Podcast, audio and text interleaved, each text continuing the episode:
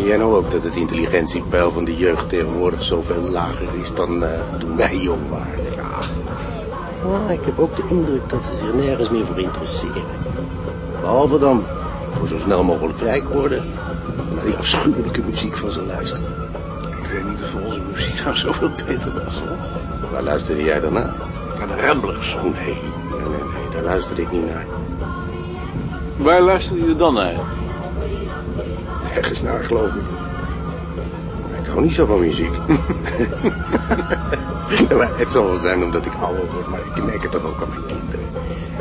Die interesseren zich werkelijk nergens voor.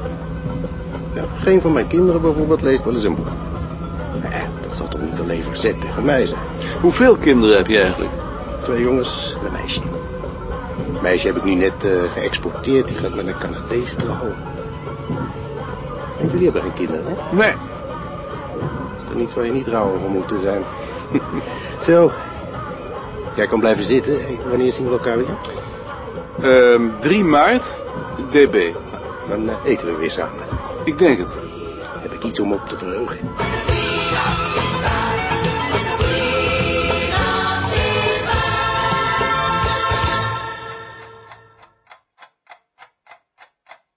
Het eerste waar hij aan dacht was de opheffingsvergadering van de commissie. Hij was meteen klaar wakker. Het was nog donker. Hij ging op zijn rug liggen en wachtte. Uit het vage rumoer in de verte maakte hij op dat het tegen de ochtend liep. De stad was bezig te ontwaken. Daarbovenuit klonk de galmende slag van de Westertoren.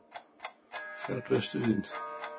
Hij telde de slagen en daartussendoor de slagen van de Noorderkerk, die even later begon, maar ongeveer tegelijk ophielden. Zes uur.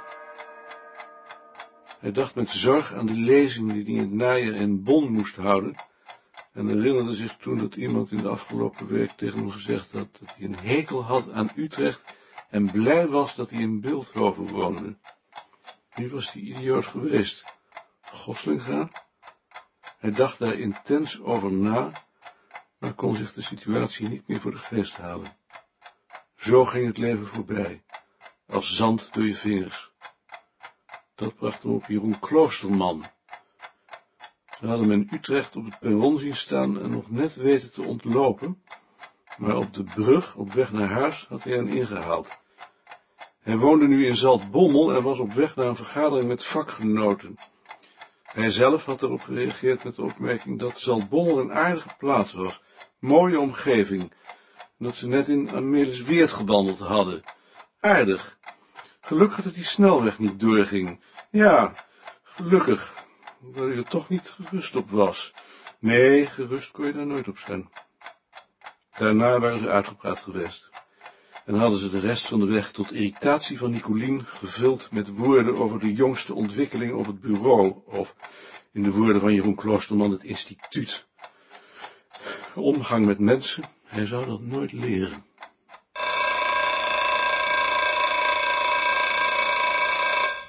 Ik ben God beter benoemd tot voorzitter van een commissie voor de samenstelling van een handboek voor archiefonderzoekers. Daar moet ik je dan zeker mee feliciteren. Wat is hier aan de hand? Maarten is benoemd tot voorzitter van een handboekcommissie. Maar daar heb je toch helemaal geen tijd voor? Je moet nu toch eindelijk eens aan je eigen onderzoek. Het is ook nog niet zover. Is dat de taart? Ja. Heel goed. Wil je hem beneden in de ijskast zetten? Ad, ik ben even naar Mark. Mark, lees eens. Ik ben God beter benoemd tot voorzitter van de commissie voor de samenstelling van een handboek voor archiefonderzoekers. Ik weet van geen toezegging. En ik ken die commissie niet. Hij probeert het gewoon, hè. We kennen het trucje. Eigenlijk moet jij het doen. Ja, maar ik denk er niet over. ja, neem me niet kwalijk, hoor, dat ik er zo moet grinniken. Je vermaakt je met het leed van een ander. Nee, nee, nee, maar ik vermaak me wel. Ik zal ze schrijven dat ze jou moeten benaderen, want dat jij geknipt bent voor dit werkje. Ja, maar noem dan liever Koos, hè. Die vindt het vast prachtig. Koos. Hmm. Lien deelt straks de taart rond. Uh, Tjitske, zou jij met Eve voor de thee willen zorgen? Kan een ander dat nou niet eens doen? Niemand kan dat zo goed als jij. Wie thee zegt, zegt Tjitske. Ja, zeg. Ik zal tegen Wigbold zeggen dat hij een ketel thee maakt en de kopjes klaarzet. Ehm Ad komt jullie roepen als we aan het agendapunt van de opheffing toe zijn. We hebben vanmiddag commissievergadering. Eh, zou u tussen kwart voor drie en drie uur voor een ketel thee, veertien kopjes en veertien gebakvorkjes willen zorgen? Waarom hoor ik dat nu pas? Dan zitten ze hier ook net aan de thee. Veertien dus. Hebben jullie vanmiddag commissievergadering? Ja, de laatste.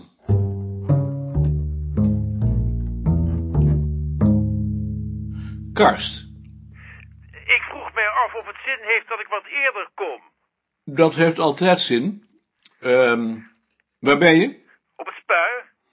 Op het spui. Eh, wat ga jij doen? Ik ga nu eten. Nou, dan ga ik ook maar wat eten. Tot straks dan. Ah. Buitenrust Hettema komt wat eerder. Dan ga ik wel weg.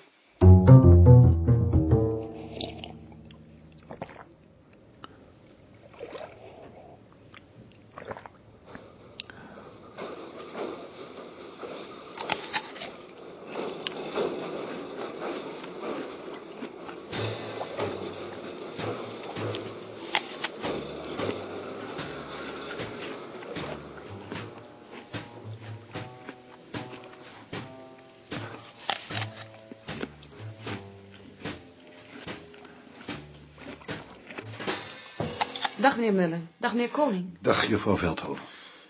Dag juffrouw Veldhoven. Ik vroeg me af of u nog iets met me wilde bespreken voor de vergadering. Ja, ik vroeg me af of het niet goed zou zijn wanneer u vanmiddag uw bezorgdheid over het verlies van de identiteit van het muziekarchief uitspreekt. Denkt u dat dat gevaar erin zit?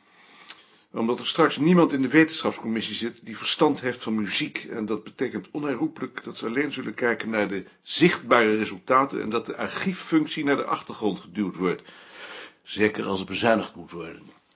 Maar kenmerkend voor een archief is nu toch juist dat het een archieffunctie heeft. Ja, maar als de mensen die erover gaan dat archief zelf nooit gebruiken, zullen ze geneigd zijn om het ook niet belangrijk te vinden. Dat zou heel onaangenaam zijn. Als ik dat geweten had, had ik in der tijd het archief niet bij uw bureau ondergebracht. Het is nog niet zover. Ik ben er ook nog. Zo, Heb je nou al gegeten? zoveel eet ik niet. Eh, we zien elkaar niet veel meer tegenwoordig. Weinig. Hoe gaat het eigenlijk met Anton? Dat blijft hetzelfde. Hij moet nog altijd eens naar hem toe, maar eerlijk gezegd zie ik er wat tegenop. Eh, kunnen we niet eens samen gaan? We zouden wel samen kunnen gaan, ja. Op een dinsdagmiddag dan. Ja, ik bel je wel eens op. Je vindt het wel goed dat ik even afeet? Wil je een eh, stukje appel? Ja, geef hem maar een stukje appel. Ehm, ik had je trouwens nog iets willen vragen. Ehm, ik ben bang dat als het wetenschapsbeleid straks met die nieuwe commissie gecentraliseerd wordt, dat dat ten koste zal gaan van de identiteit van onze afdeling en daarmee ook van ons vak. Want behalve wij houdt niemand in Nederland zich daarmee bezig.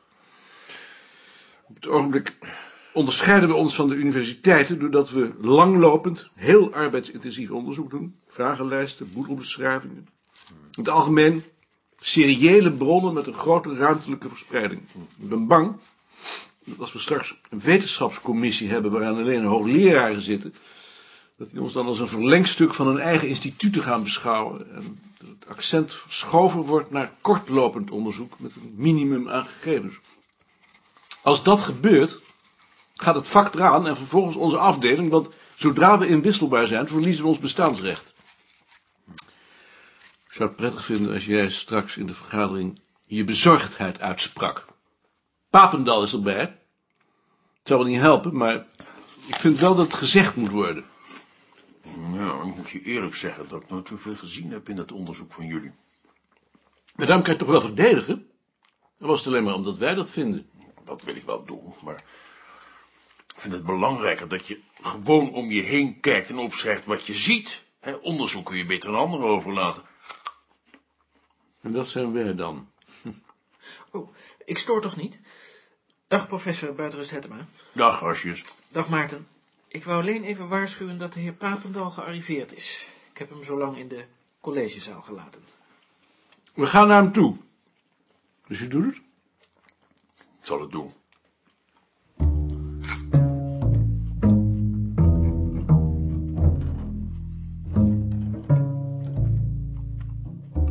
Meneer Papendal, u kent meneer Buitenrust Hettema? Ah, natuurlijk ken ik professor Buitenrust Hettema. Ik moet nog even weg. Dat wordt dus onze laatste vergadering. Maar daar bent u toch, hoop ik, niet al te rouwig om? Eigenlijk wel. Nee, nee toch, hoop ik? Ik ben bang dat het hoofdbureau onvoldoende oog heeft voor het eigen karakter van de drie afdelingen. Meent u dat heus? Maar daar hebben we nu toch juist de wetenschapscommissie voor ingesteld om daarover te waken? Ik vrees dat de wetenschapscommissie juist zal proberen er een eenheidsworst van te maken. En als dat gebeurt, is het binnen de kortste keren met ons afgelopen. Maar misschien is dat ook wel de bedoeling. Maar meneer Koning, hoe kunt u nu zoiets onaardigs zeggen? U kent mij toch al langer dan vandaag? Ik denk niet onaardig over u, maar ik weet ook dat u straks moet bezuinigen. Maar dat mag toch nooit ten koste gaan van de mensen? Niet van de mensen misschien, maar wel van het vak. Zo, daar ben ik. Oh. Dag, mevrouw de voorzitter. Zo, bent u er ook? U bent de oorzaak van alles.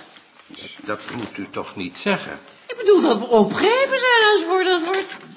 Maar wat vind ik dat verschrikkelijk dat u zoiets denkt? Ja, u bent de oorzaak. Draait u er maar niet omheen. Hebben we weer nog iets te overleggen? Ik heb buitenrust Hettema gevraagd aan het slot zijn verontrusting uit te spreken over de opheffing van de commissie. Dat is goed. Het is twee uur. Ik open de vergadering. Wil iemand de deur dicht doen? Dank u. Dan begin ik maar meteen met een persoonlijke mededeling. Ik heb mij een gehemelte plaat moeten aanschaffen. Als ik daardoor niet goed verstaanbaar mocht zijn, dan bied ik daarvoor bij voorbaat mijn verontschuldiging aan. Secretaris, zijn er nog berichten van verhindering? Jawel, mevrouw de voorzitter. Uh, de heer Appel heeft mij telefonisch laten weten dat hij als gevolg van de sneeuw niet van zijn berg af kan. niet van zijn berg af kan. Zo'n excuus heb ik nog nooit gehoord, ik bedoel maar... het schijnt dat daar 20 centimeter sneeuw ligt en dat dat levensgevaarlijk is. Nou, dan zou ik hem maar niet zeggen wonen. Uh, de heer Van der Land is al enige tijd ziek en de heer Vester Jeuring heeft bedankt in verband met het bereiken van de VUT-gerechtigde leeftijd. Is dat een reden? Dat kan een reden zijn. Dat was het? Dat was het. Dan gaan we over tot het tweede punt van de agenda, de notulen van de vergadering van 21 januari 1980. Redactionele opmerkingen en vragen naar aanleiding van pagina 1